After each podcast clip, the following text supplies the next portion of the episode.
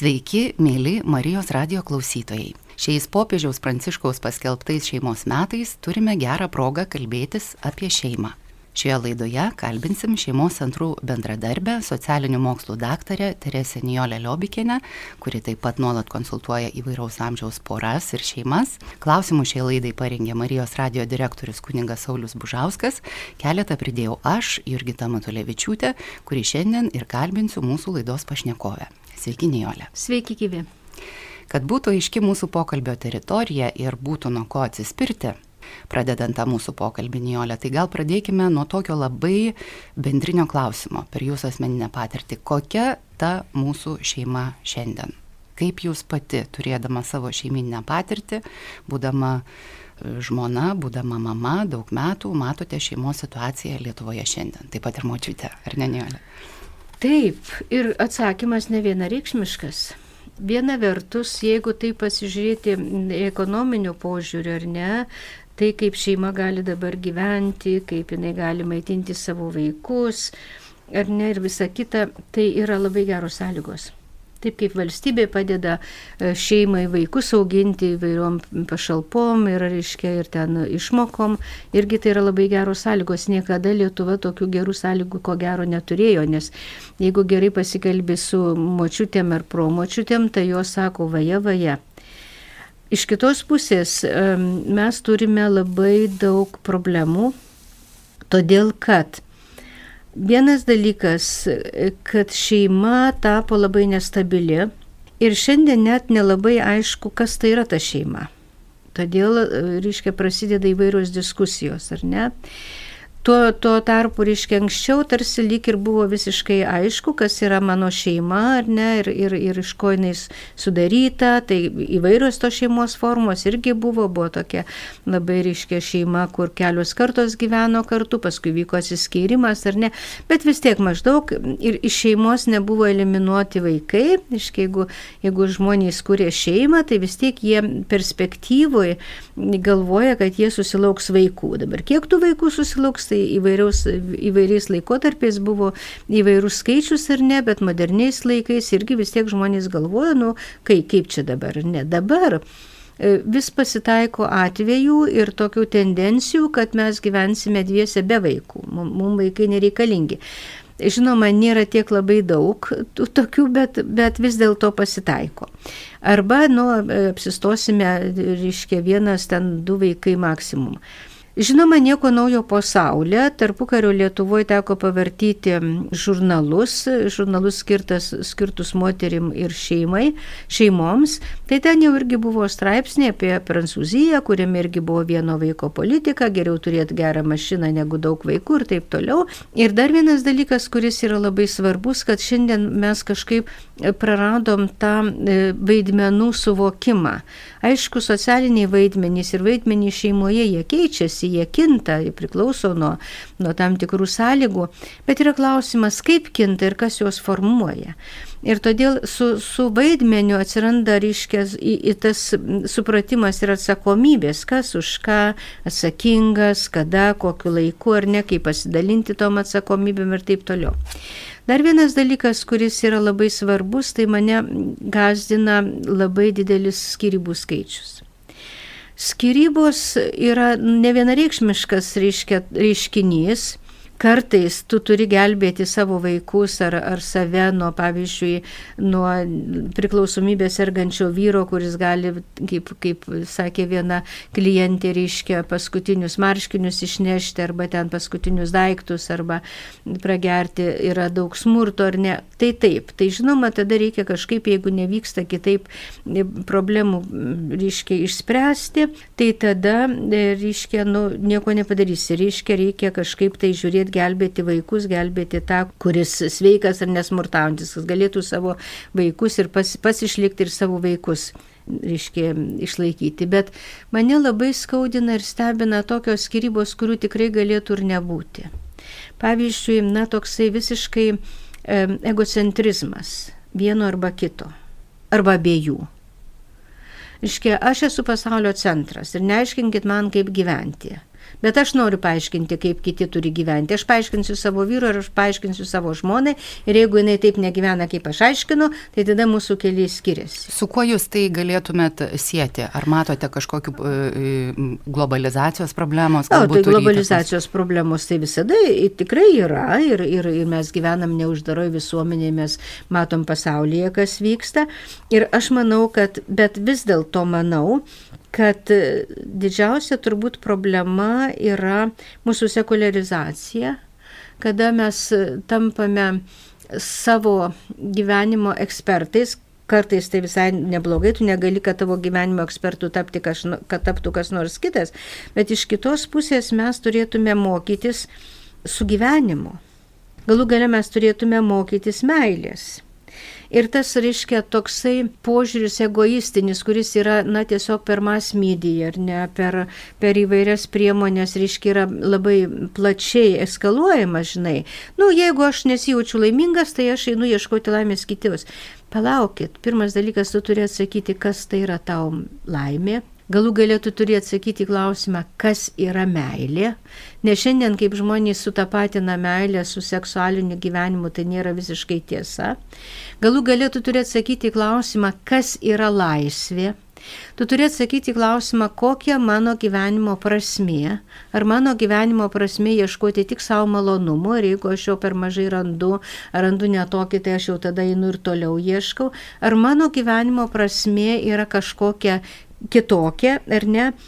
Tai va šiandien tai yra labai esminiai klausimai ir tai yra žmogaus brandos klausimai. Galų gale į tuos klausimus negali atsakyti dažnai nei ekonomika, nei, nei socialinė aplinka, reiškia Tai tiesiog, man atrodo, kad į tos klausimus padeda atsakyti mūsų tikėjimo dalykai, kuris, kodėl aš gyvenu arba kodėl aš galiu priimti kitą žmogų kaip kitokį. Kalbu ne tik tai dėl to, kad apie e, krikščionybę ir katalikų tikėjimą, bet, bet kiti tikėjimai, kurie ir monoteistinės religijos irgi turi tą klausimą, kas aš esu. Ir pirmas, koks mano santykis ir santykis su Dievu, santykis su kitais, santykis su gamta.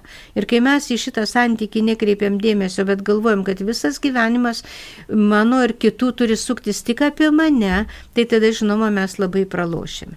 Be abejo, kad aplinka turi daug reikšmės. Ir daugumas vaikų netgi, ryškiai augdami ir gyvendami savo šeimose, jie labai dažnai nesužino, kas yra tikra meilė. Jie, pavyzdžiui, labai dažnai pamato ir patiria bes, e, sąlygišką meilę. Aš tave mylėsiu, jeigu tu būsi geras, aš tave mylėsiu, jeigu tu labai gerai mokysies, aš tave mylėsiu, jeigu tau seksis dailė, aš tave mylėsiu, jeigu tu atitiksi mano lūkesčius. Tai yra sąlyginė meilė. Ir kai žmogus sąlygiškai myli, tai jis ir išmoksta sąlygiškai mylėti. Jis galvoja, čia yra. Arba žmogus, kuris yra nuolat kritikuojamas, ar ne. Nu, tėvai mane myli, bet jie, gal man kas nors ne taip.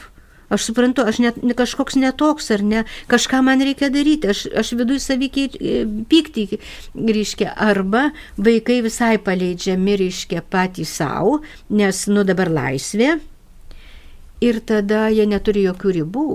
Ir vaikas, kuris neturi ribų, jis eina iš proto. Jam reikia ribų, nes jis yra vaikas. Ir tėvai išmintingai nustato ribas, jas paaiškina ir tada jisai išmoksta gyventi su kitais ir priimti kitą kaip kitokį. Tai ta, šitų priežasčių ir, pavyzdžiui, Amoris Leticijoje, tame, reiškia, apie meilę šeimoje, e, reiškia, popiežius Pranciškus labai detaliai aiškina, labai detaliai aprašo ir, ir tą tikrovę atskleidžia. Ir aš manyčiau, kad iš tiesų kiekviena šeima ar kiekvienas žmogus turėtų pasidomėti. Ir čia reiškia taip, kadangi aš, reiškia, žmogaus norai iškeliami į pirmą vietą. Jeigu aš taip jaučiuosi ir jeigu aš to noriu, tai aš turiu teisę to reikalauti, nes aš esu laisvas. Bet tada tu pažeidi galbūt kitų laisvę, ar ne? Ir galų gale, ar tai yra tikrai laisvė, ar tavo norai, nes reikia kažkaip šiandien labai noras padaromas poreikiu. Poreikis yra dalykas, be, be kurio žmogus negali vystytis. Tai yra įvairių, tai, tai yra fiziniai poreikiai, kad būtų nealkanas, turėtų ko apsirengti, socialiniai, kad turėtų aplinką ir taip toliau, dvasiniai poreikiai. Tai taip mes poreikius turim patenkinti. Bet kai atsiranda norai, ir mes sakom, o jis turi teisę tuos norius patenkinti, mes gauname tai, ką gauname ir dėl to mes turime labai daug nelaimingų, nelaimingų šeimų. Ir man labai patiko vieno garsaus žurnalisto, toksai labai, taip jisai išsiskyręs su, su savo šeima, kiekvienos skirybos tai yra labai skausmingas dalykas. Bet jisai labai gražiai sakė, nepasakokit man pasakų, kad gali būti labai draugiškos ir labai geros skirybos. Nijolė, ar galėčiau tada taip apibendrintai pasakyti, kad e, visgi e, finansiškai situacija, nes jūs labai plačiai ir labai išsamei iš tikrųjų išvardino daugelį priežasčių, bet norėčiau gal rezumuoti, ar ne, kad finansiškai, ar ne, tai šeimos situacija šiandieną, ar ne, yra kaip ir geresnė. Taip, lyginant bet dvasinės, dvasiškai yra daug daugiau pasimetimo ir mes atsidūrėme tada į tokį, e, reiškia, barjerą, e, būtent va, to dvasinių vertybių neturėjimas, kurios žmonėms neleidžia turėti to balanso. Tada. Taip, ir dar vienas dalykas, kuris yra labai svarbus ir čia susijęs su dvasiniam vertybėm, e, reikia siekti tiesos, ne nuomonės, ne taip, kaip aš jaučiuosi, bet iešk, nes tiesa mus padarys laisvas. Popiežius Jonas Paulius II Lietuvoje apie tą sakė, ar ne. Tai vad, jeigu mes ieškosime tiesos, Ir tada rasime, ir tada mūsų dvasinės gyvenimas arba mūsų, mūsų asmenybė bus brandi. Tada aišku, mums bus lengviau, nes jeigu mes lyginsime net ir su sovietmečiu šeimų gyvenimo sąlygas, tai žinoma, kad yra daug geresnis. Ir man trupučiuką, nu taip, kaip pasakyti, mes galime labai save gailėti ir nuolat dėjuoti, kaip dabar yra blogai. Bet vieną kartą sena moteriškė, kuri gausia šeima buvo, iškiu senutė, išgyveno gausią šeimą, užauginus ir per visas bėdas sako, Dieve, nu, daktarėlė, kaip dabar tie žmonės dėjuoja? Nu juk, juk nėra pagrindo taip dėjuoti, nu taip yra kažkokių bėdų, bet galima vis tiek šiokią tokią pagalbą gauti ir panašiai. Kodėl? Nu, todėl, kad mes dažnai įpratom turbūt dėjuoti, nes, nu, kažkaip, va, taip jau pasigirti, kad tu gerai gyveni, tai taip jau ir ne fasonas, ar ne. Bet iš tiesų mes turim pasidžiaugti, iš tiesų valstybė skiria, skiria nemažai dėmesio fi, finansinio. finansinio dėmesio. Bet va tokio, žinot, psichologinio, emocinio raštingumo, ugdymo, konsultacijų. Nu, bet dabar labai populiaru, pažiūrėkite, socialiniuose tinkluose visi moko. Žinot, man atrodo, kad jeigu apie socialinius tinklus kalbant, tai apie kokius socialinius tinklus kalbam.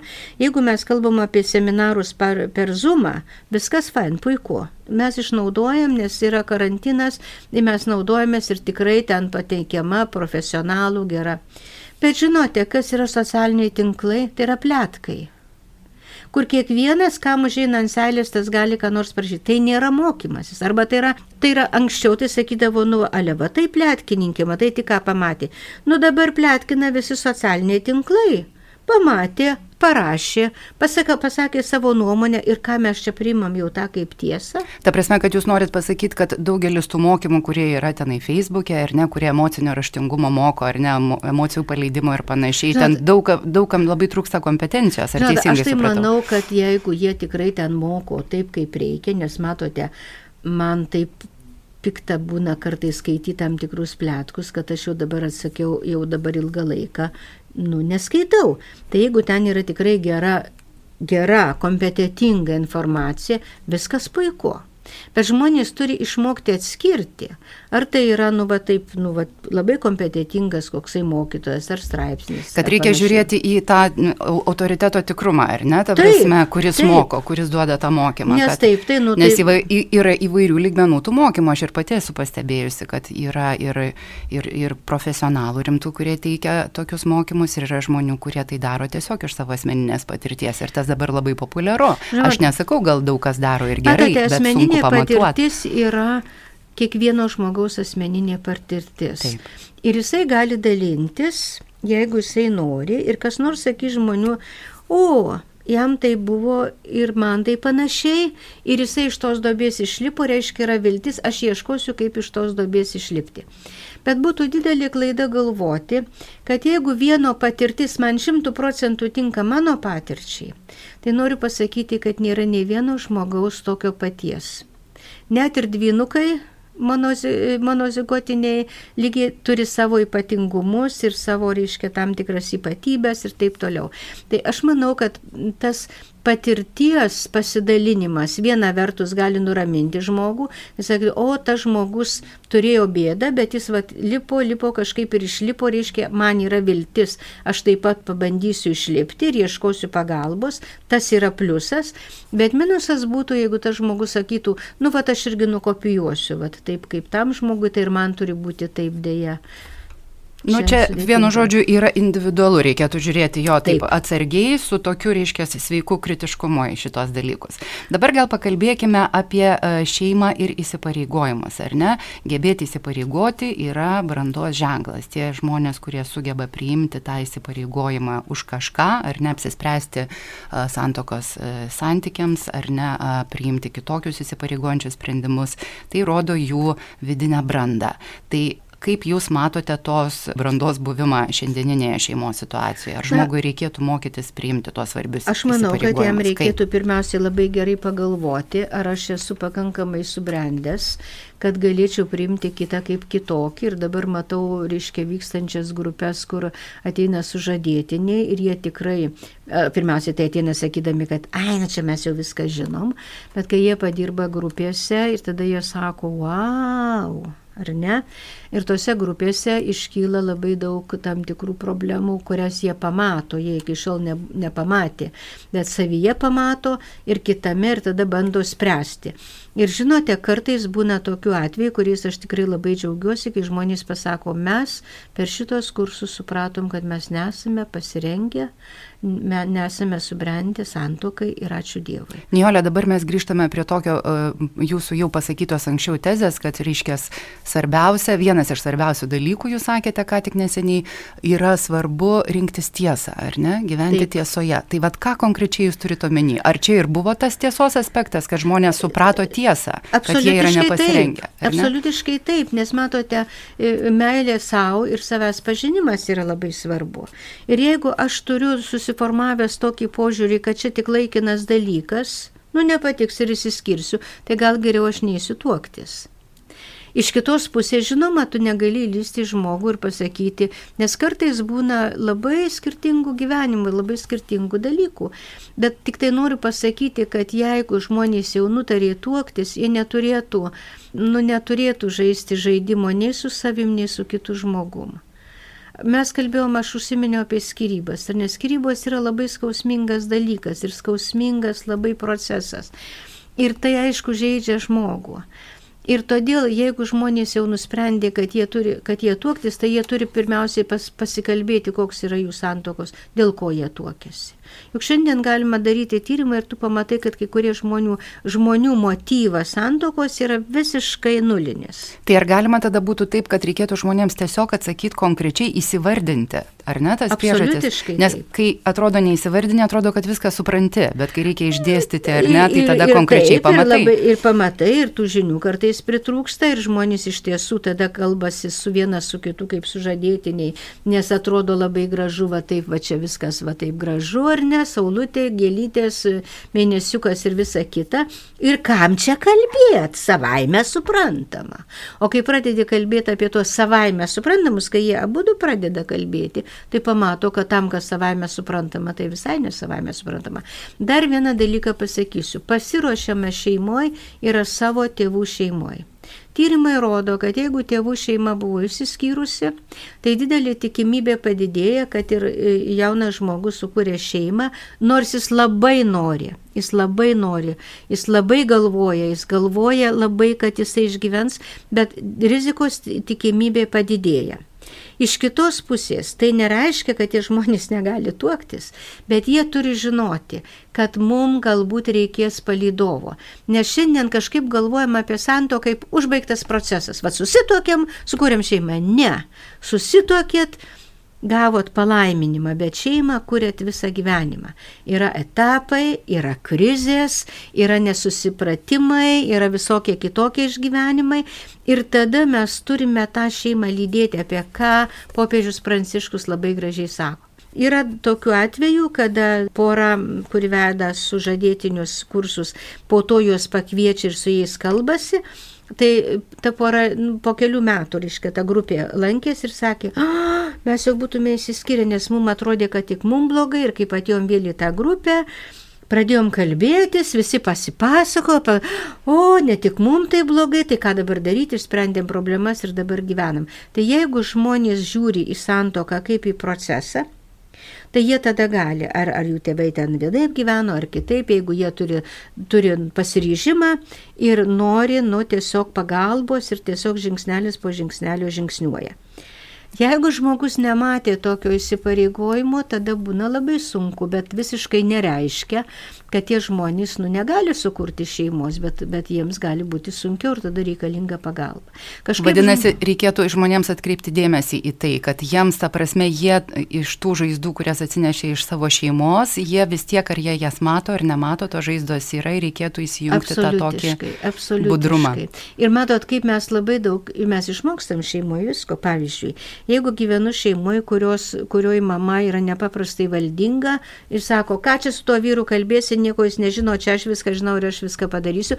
Ir tas vyras, nu kaip jis geras ir jisai nenori kažkaip, nu kažkaip. Tai tada labai didelė tikimybė, kad vyras tikėsis vesdamas žmonos, kad jinai tokia bus ir ačiū Dievui, jeigu jinai tokia bus, gal jisai ir sugyvens. Bet jeigu įves kitokią žmoną, kuri gyveno su mama, kuri buvo labai taktiška, švelni ir tėtis, kurie bendradarbiaudavo, tada bus didžiulė krizė. Ir tada jinai sakys viešpatė, ka, kas čia vyksta, kur aš papuoliau. Arba kitas atvejis, kur su vyru, reiškia, jeigu dukra gyveno su tėčiu, kuris sakė, žinai, viskas mano žodis ir ką tu čia moteriškė, tai negali galvoti, kad čia yra norma. Ir tada, jeigu kitas žmogus, kuris taip nesako, jis labai žinomus, jis galvoja, tai jis turbūt mane nemyli, jam nesvarbu, kaip aš čia ką. Iškai yra labai daug, mes, iš, mes pirmą kuprinėlę pačią esmingiausią mes atsinešam iš savo šeimų. Savo šeimoje mes sužinome, kas yra tėtis, kas yra mama, kaip jie komunikuoja, kas yra šeima, kaip išreiškiama meilė ar neišreiškiama meilė, kaip sprendžiami konfliktai arba nesprendžiami konfliktai, ar ne, kaip yra tam tikros kitos vertybės, kas yra mano šeimoje, kas mano šeimoje buvo kalbama aplamai apie santoką, ištikimybę ir taip toliau. Juk čia yra labai svarbus dalykai, kuriuos mes dabar jaunose šeimose kartais visiškai pradedam nekreipti dėmesio. Vadinasi, ta bendruomeninė patirtis, ar ne, ir įsisamonimas, kad tu turi e, tame auginti tą šeimos supratimą, statyti tuos santykius, nuolat reiškia ieškoti tų savo kažkokių, ką aš galiu keisti, mokintis, tiesiog mokintis. Absoliutiškai. Ir ieškoti pagalbos, nes pagalbos ieškoti gerai. Ne tik tai, žinot, kartais labai draugė gali suteikti pagalbos, bet kartais reikia visai pašalinio žmogaus, kuris kartais, nu, tau kaip veidrodį padėtų ir sakytų, nu, kas čia dabar vyksta, ar ne.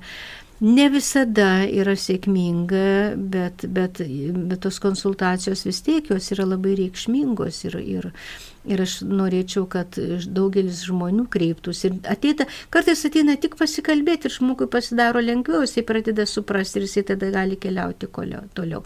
Ir be abejo, reiškia mūsų tas religingumas. Irgi, nu, jeigu mes kaip bendruomenė, o popiežius Pranciškas kalba apie tai. Matot, čia mums yra labai sunku, nes mes iš tiesų užmiršom, kas yra bendruomenė.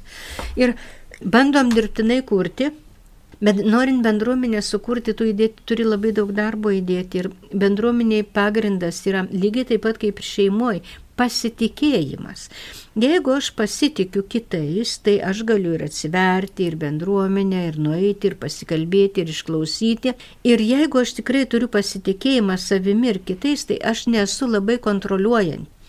Jeigu tu neturi to pasitikėjimo, tai tada, žinoma, tu pradedi visus kontroliuoti ir labai dažnai mes jau sovietmečių mes dažnai praradom tą pasitikėjimo dalyką, nes, nu, iš tiesų, vaikai, vaikų darželiuose, savaitiniuose ir panašiai, bet ir dabar, nu, dabar stengiamasi atstatyti ir kad mama krūtimai tintų ir kad tėvai galėtų savo tėvelis ir mamytė rūpintis, tas yra labai gerai, bet to dar neužtenka. Tai yra gilus dalykai. Ir pavyzdžiui, tas baimė tam tikros bendruomenės, ar ne, nes tu sovietmečių tu negalėjai visais pasitikėti.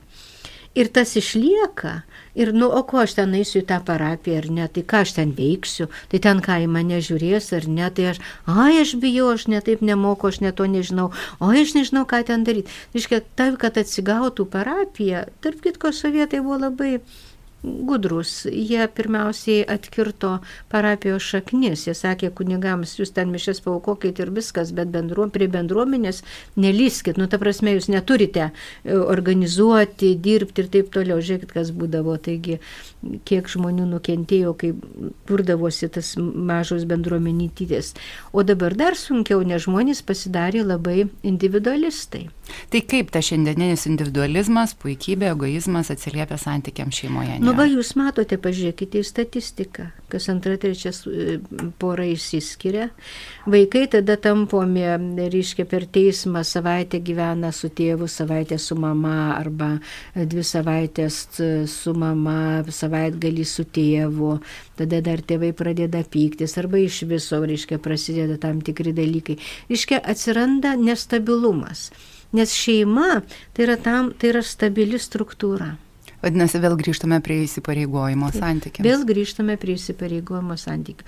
Ir jeigu aš esu toks individualistas, kad man kitų nereikia, ir ypatingai kitų kaip kitokių, ir dar kitokių, kurie mano norų nevykdo ir dar kažko liktai nori, nes tu į šeimą visada turi investuoti. Tu negali šeimoje tik imti, imti, gauti, gauti, gauti. Ne, tu turi labai daug įdėti. Įdėti į save, pagalvoti apie save, ką tu darai, kaip tu darai, ką galima padaryti kitaip. Ir tada į tą šeimą investuoti ir dirbti kartu. Priimti, atleisti. Žiūrėk, mes užmiršom katekizmą visiškai yra labdarybės darbai sielai ir kūnom. Kas šiandien apie tai kalbėjo? Nu, kažkuriais tai metais dar priminė, bet dabar vėl visi užmiršo. Vadinasi, dabar vėl grįžtame prie dvasinio vertybių taip, pagrindo. Taip, nes jeigu nėra to dvasinio vertybių, ir čia ne, nebūtinai, reiškia, yra labai tokių darž, darnių, gražių porų, kurie ištisai mylėjo vienas kitą, buvo ištikimi ir gyveno visą gyvenimą, bet jie galbūt nebuvo netgi krikščionys ar katalikai, ar, ar iš viso gal neišpažino. Nes jie galbūt buvo labai kultūringi žmonės, kurie ten gavo gerus pagrindus ir patys savo, nes ta, apie dvasingumą kalbant nebūtinai tas krikščioniškas, bet krikščioniškas jis duoda labai daug, nu, labai daug. Autentiškas krikščioniškas tikėjimas. Nes labai šiandien gerai kunigas Paškaitis rytą per, per valandėlę, kuri būna prieš šešias, labai gražiai pasakė, kas yra tolerancija. Jis sako, tolerancija tai nėra bejingumas, kad aš, o nu, jeigu tau taip reikia, bet tolerancija, tu priimi nuoširdžiausią kitą kaip kitokį ir stengiasi jam padėti. Bet kaip, kaip viešpats pasakė moteriškiai, kurią norėjau užmušti akmenim. Jėzus stovėjo šalia, gal kas nors būtų, sako, čia kunigo peškaičio, galbūt kas nors būtų metę akmenį ir Jėzų pataikė. Bet jis stovėjo ir sakė, moterį, tik tada, kada mes su meilė einam prie kito ir tada galima tą, tada jau galima antrų, jau užmesgam kontaktą, tada antrų sakinių viešpats sako, moteriškė niekas tavęs nepasmerkė, reiškia jisai nesmerkė, nes, nu kaip pasakyti, neišsakė pasmerkimo, bet jis ir pasakė, eik ir daugiau nenusidėk. Bet čia yra tolerancija. Pasakyti, kad priimu, tai yra blogai, bet, bet pasakyt, tai priimti su meile. Taip, ir kad aš negaliu, aš negaliu reikalauti, kad visi būtų dabar va, taip, kaip aš įsivaizduoju, tobuli. Ne, čia yra Dievo darbas, mūsų darbas mylėti, melstis ir nu, padėti tiems žmonėms. Tai aš tai manau, kad va, čia yra mūsų darbas. Dar pakalbėkime apie santykius šeimoje, ar ne, ir tą įsipareigojimą moters ir vyro, ar ne, moteris šeimoje jaučiasi labiau įsipareigojusi dėl vaikų, o vyras tėvų įsipareigojimų lengviau apleidžia juos, ar ne, kodėl taip yra, Niolė? Nu, matote, čia yra dalykas, kur mes galim penkias laidas daryti, bet aš jums pasakysiu taip, iš tiesų, jeigu kalbėti, na, jau taip iš tikėjimo plotmės, Tai čia reikėtų pasižiūrėti tą pirmąją tragediją, kuri atsitiko rojuje. Jėva sugundyta nuskyrė vaisių, nuskynė. Bet vyras jos nesulaikė, nes ko gero aš įtariu, pats labai irgi norėjo paragauti to vaisiaus. Ir tada viešpats, kaip klausė, prasideda kaltinimas. Vyras neatsistoja šalia ir, sako, ir nepasako viešpatė, nugundė, ją sugundė ir aš susigundžiau, bet ir mes suvalgiam tą obolį. Bet jisai sako, Jėva man davė. Vadinasi, pripažinti tiesą ir prisimti atsakomybę, ar ne? Ir jau čia ta, nuo pat pradžių, Be pradžios, ar ne, tas mano šleifas yra. Taip, istoriškai žiūrint, viena vertus, reiškia, buvo laikotarpį, kada ten kai kurios moterys labai garbinamos ir poezija ir taip toliau, bet, nu, bet pavyzdžiui, pažiūrėkite kitais atvejais, nu, pavyzdžiui, vyras nueina ir pasinaudoja, nusiperka moterį. Nu, Evangelijoje prašyta. Taigi jie ją pasinaudojo, buvo prostitucija, ar ne, jinai buvo laisvalgėsi moteris. Taip. Ne vieno žodžio jie yra teisuoliai, nes jinai paleistuvė. Arba atsitiko taip, kas atsitiko ir nedaug dievė moteris paliekama viena, išnaudota. Yra netokių baisių atvejų, kada vyrai parduoda savo žmonas ir jinai tapdama prostitutė uždirba vyrui pinigus. Ir vyras jaučiasi labai gerai. Kodėl? Niolė, čia tokia diskriminacijos vyrų ir moterų teisės, ar ne? Aš tai, manau, iškyla, aš tai manau ne tik tai, kad disk, diskriminacija, kuria prasme mes demokratinėje visuomenėje gyvenam. Dabar to tikro vyriškumo, dabar kalbam apie šventą, šventą Juozapą ir ačiū Dievui. Tikro vyriškumo nelabai liko. Jūs pagalvokite, kas atsitiko mūsų istoriniu laikotarpiu. Daugybė vyrų tikrai puikių, nuostabių, gražių žuvo karuose, žuvo okupacijose, žuvo partizanaudami ar ne. Ir iš kur tam vyrui tiesiog mokytis to tikro vyriškumo, jeigu daugiausiai jis elgi, dabar jisai gyvenant dažnai net nelabai ne, ne ir mato to tikro vyriškumo. O kaip su moterim tada? Tada su moterim irgi lygiai taip pat, bet matai, moteris gimdo vaiką ir tą turi, čia jau, mūsų, nu, čia jau pasigirsiu, čia jau mes esam Dievo numylėtinis. Vyrai tegul nesupyksta, Taip jau yra, taip rašo filosofai, teologai ir Jonas Paulius II apie tai rašo, ar ne. Tai žinote, bet moteris lygiai taip pat nukentėjo. Nes matote, nėra taip, kad jeigu, jeigu mes imam vyrus ir moteris, taip, jeigu mes imam šitą, nu, tokią sistemą, tai negali būti sistemoje, kad vieni nukenčia, o kitiems visai nieko. Nebūna taip. Jeigu sistemoje vienas žmogus ar kas nors kenčia, ar kas nors kenčia visa sistema. Jeigu žmogus pasikelia, jeigu žmogus atsistoja, ta sistema irgi kenčia. Mes su alkoholikais dirbdami. Pagydykit mano vyro alkoholiką, negaliu. Nes jis nenori dabar, bet jum galiu padėti. Aš negeriu. Bet jeigu jūs pradėsite kitaip elgtis su juo, gali susinorės irgi kažką keisti. Čia yra jau labai gerai žinomi dalykai, bet kažkaip mes, vad kalbėdami apie vyrų moterų santykius, tai vad būtinai vienas turi būti kaltas, O kitas turi būti labai teisus. Tai gerai, pažiūrėkim konkrečiai dabar į situaciją, ar ne, reiškia, vat, yra šeimoje vaikas, ar ne, ir šitai ir mama, e, vyras lengvai nusikrato tos atsakomybės ir visa atsakomybė tenka žmonai. Na ir kaip jūs dabar aiškinate? Na, matai, turėjimas vaiko tai nereiškia, poros skyryba tai nereiškia, kad tu, ne, ne, kad tu nesi tėvas ir motina tai jisai turėtų vykdyti savo tėviškas pareigas tam vaikui ir įsipareigojimus ir ekonominius ir visokius, kiek tik tai yra įmanoma ir kiek yra galima. Tai vienas Taip. dalykas. Bet kitas dalykas yra kita pusė. Šiandien mes turime tokią situaciją, kur visos mas medija rėkia ir per filmus rodo, nu, kad jau maždaug pleiboy mentalitetas. Nu, va, tik tai reiškia susitiko, tik tai pasibučiavo ir į lovą. Reiškia, Ka, ką tas reiškia? Tas reiškia, kad moteris, čia aš kalbu moterį, nes moteris vaikus gimdo, jinai, jinai kažkaip prarado patį brangiausią dalyką - savo savigarbą. Jinai užmiršo, kad jinai vertybė su savo kūnu. Ir kad seksualumas yra didelė dovana. Ir kai tu seksualumą atskiri nuo vaisingumo, nes vaiko tai tau nereikia, jai gal reikia, nes labai dažnai moterys iš tam tikrų labai didelių nuoskautų gali ir tada vyro neatsakomybė, kad jisai naudojasi moterimi. Nėra tų tikrų džentelmenų, kurie sakytų, nu, palauk, aš, aš tave gerbiu ir aš nenoriu tavim pasinaudoti. Vėl grįžtame prie santykio brandos, prie kiekvieno asmeninės brandos, dvasinių vertybių, gelmės, nes paviršius visą laiką duos tokį nes rezultatą. Aš, taip, aš negaliu naudoti, šiandien žmogus labai naudojamas kaip daiktas pinigų, iš jo galima gauti daug pinigų. Nu, pažiūrėkite, įtikrinkit paauglės, kad jos, pavyzdžiui, turi pataisyti savo figūrą, jeigu jos nesijaučia ir neturi saugių namų, jos to patikės ir ieškos pinigų ir taip toliau e, narkotikai, lygiai taip pat. Reiškia, žmogus ne tik tai dėdės Tomo trobelėje prašyti vergovė, vergovė kolegė niekur nedingo. Vergovė visą laiką yra, tik tai jinai pakeičia formas. Taip. Vergus, reiškia, nu, Amerikos, reiškia, vienaip išnaudojo ir siaubingai, ir baisiai, paskui pasikeitė forma. Atsirado kitokia vergystė, atsirado darbdavių vergystė e, darbuotojų, ar ne, vyrų, moterų, kada moteris išnaudojamos, bet vyrai lygiai taip pat išnaudojami. Ir jeigu mes nepradėsime galvoti apie tai, koks mūsų gyvenimo tikslas, dėl ko mes esam, kaip mums kurti santyki ar ne, kas mums padėtų tą santyki kurti ir kad mes jį turime kurti visą gyvenimą ir daug jėgų įdėti ir prašyti pagalbos, nieko iš to nebus.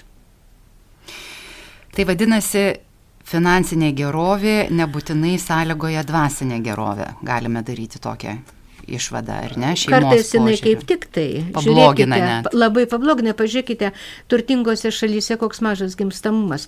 Turtingose šalyse eutanazijos įstatymas primtas, kur jau gerovės tau ten, žinai, per akis. Niolė, tai gal net ta natūrali kančia labiau daro žmogų žmogumi? Jeigu jis ją įprasmina. Taip, Franklis apie tai mhm. kalbėjo.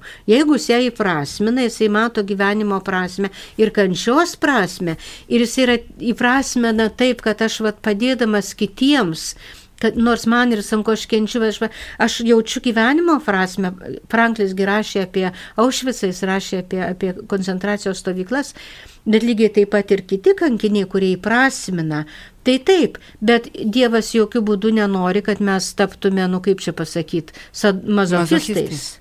Gink Dievė, bet tu negali, negali, reiškia. Tiesiog visiškai... gal ta, aš pasakyčiau, gal taip, reiškia, toks saugiklis natūralus atsiranda, kad šitą, kad jeigu ta kančia, jinai yra, nu, su meilė kažkaip tai priimama, ar ne, ir su, su, su dvasinė branda kažkokia, ar ne, su, su, su, su įsipareigojimu, jinai gali duoti labai gražių vaisių ir apsaugoti žmogų nuo to, kad jisai pasiklys tenai, ar ne, kažkur tai tenai gavęs tenai vieną kitą finansiškai geresnį, jam lengvesnį gyvenimui sprendimą sprendimą, ar ne, kad gali tada jam pasidaryti taip paprasčiau priimti tokį lengvesnį sprendimą be įsipareigojimo kažkokio. Nu, tarsi nuima tą, reiškia, geresnis gyvenimas, nu, duoda žmogui tokio galimybę išpuikti daugiau neolė. Na, nu, žinot, aš apie nu, tai ne, ne, nežinau, ne, čia, čia, čia, čia gili problema, kur neužtenka laiko, bet aš tik tai manau vieną dalyką, kad netgi meilė ir pati didžiausia meilė, jinai nepaina be kančių. Nu, tai prasme, nors, nors paštalas Paulius laš, meilė kantry, meilė ne, e, maloninga, ji nepavydį. Nu, bet tai, net, tai neteina lengvai. Brangus dalykai, jie neteina lengvai. Ir šiandien žmonės labai pamiršo, jie nori spraktelio piršto ir viską turiu ir esu laimingas. Tada klausimas man būtų toksai, klausykite, o kodėl šiandien palyginti gerai gyvenantys žmonės vis dėlto tiek daug savižudybių? Gal dėl to, kad meilės mažai, arba dėl to, kad mes nežinom, kas meilė. O mum galvoti, kad, kad mes galime gyventi ir apseiti be kančios būtų labai miela, bet nieko nepadarysi. Gyvenimas yra toks, kad jis turi savo reikalavimus ir ne visada tu gali gauti visko, ko tu nori, ko tu trokšti. Netgi patys mylimiausi žmonės gali, nežinodami vienas kitai skaudinti. Žiūrėkite, meilės vaisius gimdymas vaikutis, Dieve, tėtis, mama. Ateina. ateina per skausmą, todėl, todėl nu, vat, kažkaip mes turėtume labai labai gerai pagalvoti. Ir kas mums yra meilė, ir kas mums yra atsakomybė, nes Jonas Paulius II sakė, meilė ir atsakomybė. Pasirašau šimtų procentų. Vadinasi, re, realiai matyti situaciją. Realiai ne? matyti ir tada galvoti, ką, ne kad, žinai, aš negaliu nieko pakeisti ir tada einu, bet ar aš bandžiau ką nors keisti, ką aš galiu pakeisti ir ko aš negaliu pakeisti. Tai va čia, va, va čia ta malda, kuri labai dažnai priklausomybės turinčių man yra fantastika. Suteik man nuolankumo, priimti, ką negaliu pakeisti, drąsos keisti, ką galiu pakeisti ir išminties atskirti Suprasti vieną skirtumą. nuo kito. Mhm. Taip, iš tikrųjų. Tai va. Tai šitą gražią natą mes ir pabaigsime mūsų laidą, mėly Marijos radio klausytojai. Šio laidoje apie šeimą ir įsipareigojimus kalbėjome su šeimos centru bendradarbė, socialinių mokslų daktarė Teresė Niolė Liobikinė. Ji nuolat konsultuoja įvairaus amžiaus poras ir šeimas. Klausimus laidai parengė Marijos radio direktorius kuningas Saulis Bužauskas. Laidą vedė Jurgita Matulevičiūtė. Visiems dėkoju uždėmesi ir sudė.